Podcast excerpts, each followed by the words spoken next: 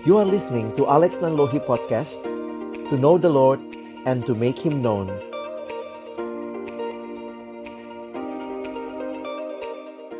Ini menarik ya, karena sebenarnya di dalam peristiwa Natal tuh banyak sekali dicatat emosi negatif. Pembelajaran Ya. paling berharga tahun-tahun ini yang Pastor Alex sendiri mungkin dapatkan apa, Pastor? Tahun depan ada program apa nih buat hidup Anda dan keluarga Sobat Raida? Mungkin pengen apa tuh? Apa? Pengen bikin usaha. Kalau saya tadi sudah cerita saya mau melanjutkan resolusi tahun lalu. Waduh. Kalau saya kan jelas ya di awal tahun saya mau bereskan urusan gigi.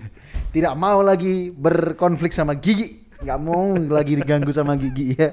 Makanya saya harus bereskan semua masalah-masalah gigi ya. Tapi gini gini gini. Kenapa, Topik Kang? hari ini lebih lebih lebih apa lagi kita pikirin gitu ya. Hmm. Akankah tahun depan kondisi saya bisa lebih baik? Hmm. kondisi ini mencakup banyak hal ya sebenarnya Iya. ya.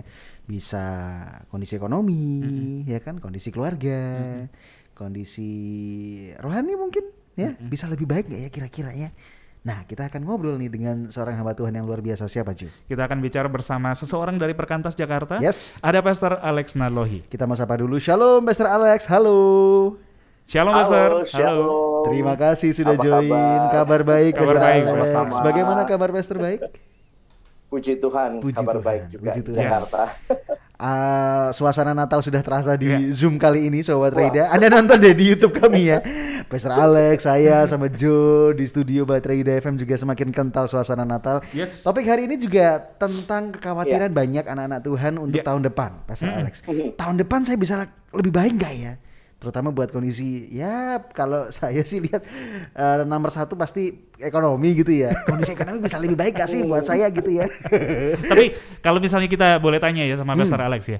Pembelajaran Iya. paling berharga tahun-tahun ini yang Pastor Alex sendiri mungkin dapatkan apa, Pastor? Iya.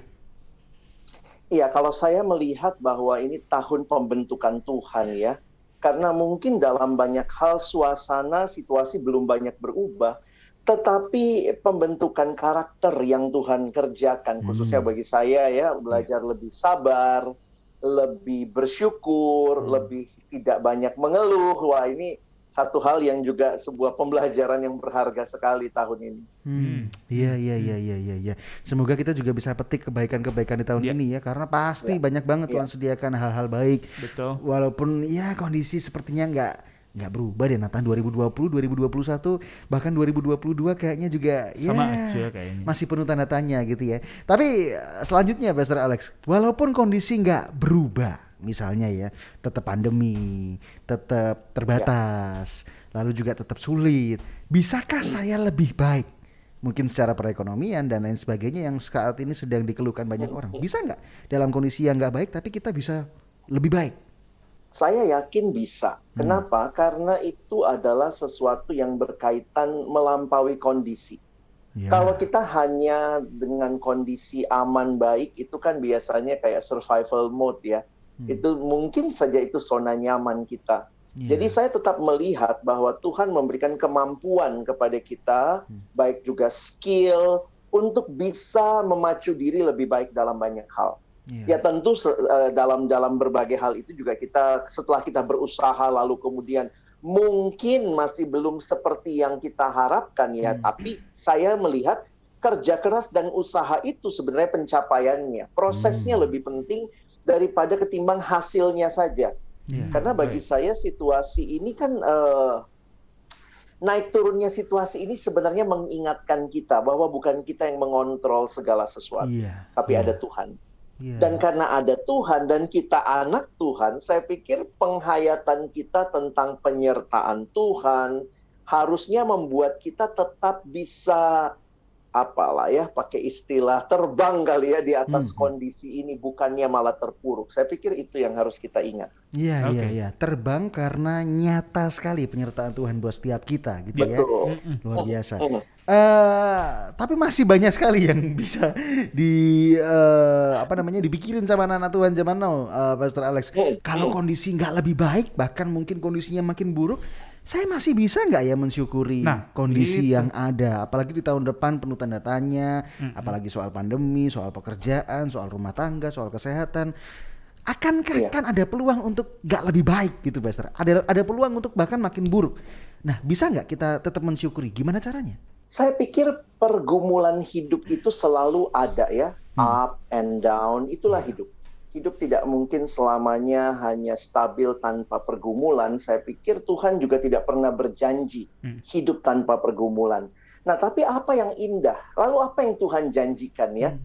Kalau saya lihat di dalam Alkitab, nggak ada tuh Tuhan janji kamu akan hidup tanpa pergumulan, nggak ada. Oh. Lalu apa yang dia janjikan? Dia menjanjikan penyertaan. Iya. Jadi hidup itu indah bukan karena nggak ada pergumulan.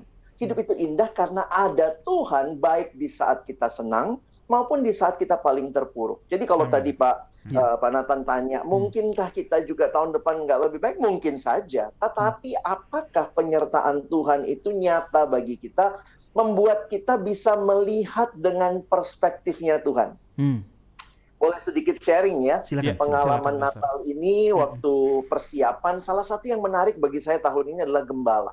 Hmm, Gembala itu kan level yang paling rendah ya di dalam masyarakat pada waktu itu, tidak terpandang. Hmm. Jadi ini orang-orang kalangan bawah, tapi berita Natal tuh datang pertama kali sama mereka. Wow. Nah, saya waktu renungkan peristiwa Natal, ini menarik ya, karena sebenarnya di dalam peristiwa Natal tuh banyak sekali dicatat emosi negatif. Ini kalau kita coba perhatikan, mungkin orang bilang, wah Natal tuh Merry Christmas. Bener sih, Hmm. Merry, gembira.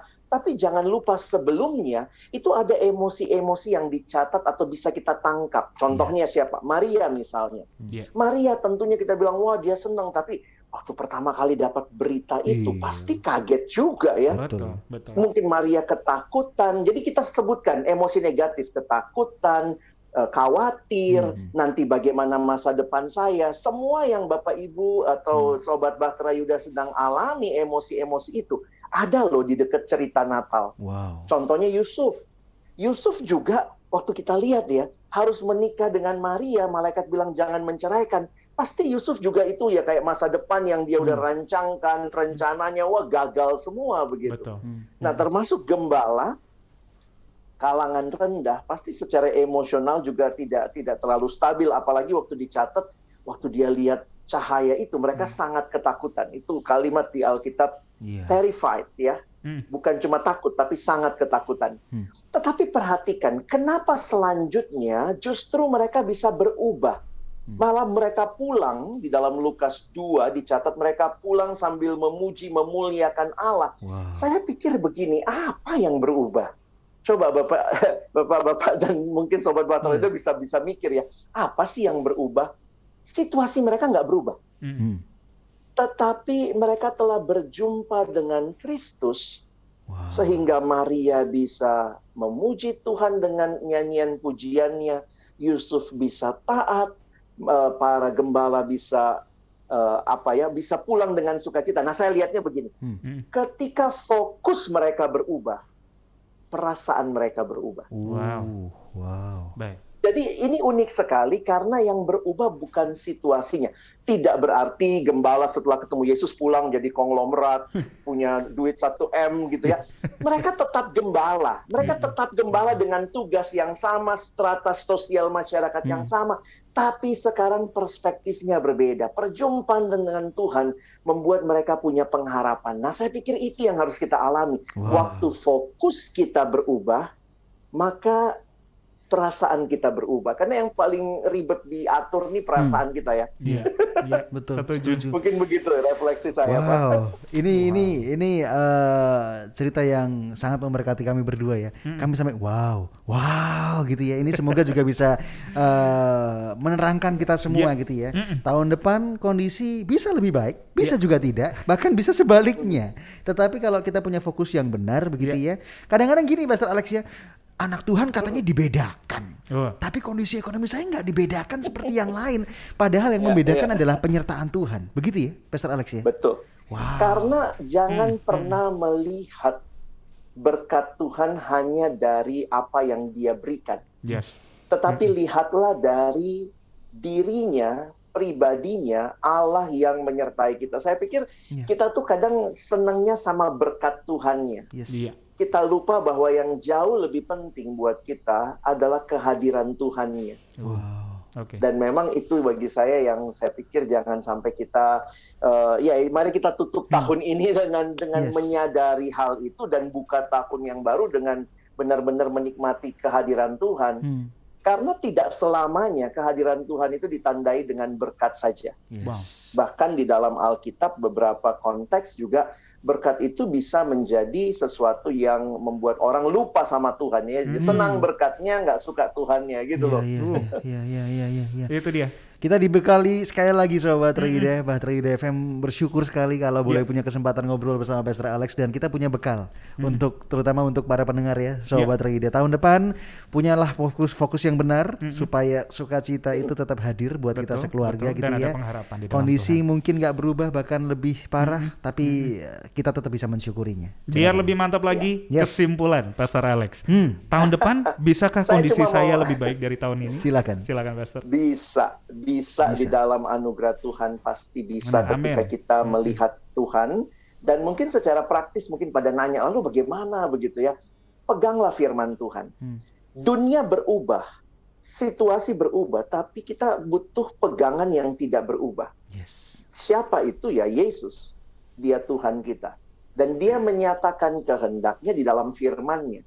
Karena itu biarkanlah hidup kita dipimpin oleh firman Tuhan yang tidak berubah untuk melewati berbagai perubahan dalam dunia. Ingat baik-baik, perasaan kita tuh berubah-ubah naik turun. Hmm. Jangan jadikan perasaan sebagai kompas hidup saudara, jadikan firman Tuhan yang tidak berubah. Itulah kompas hidup kita. Amin. Jadi sediakan waktu ya eh, Sobat Bahtera Yuda untuk mengawali tahun, untuk terus punya waktu pribadi dengan Tuhan, baca kitab suci, doa tiap hari supaya terus bertumbuh. Yes, kayak lagu ya.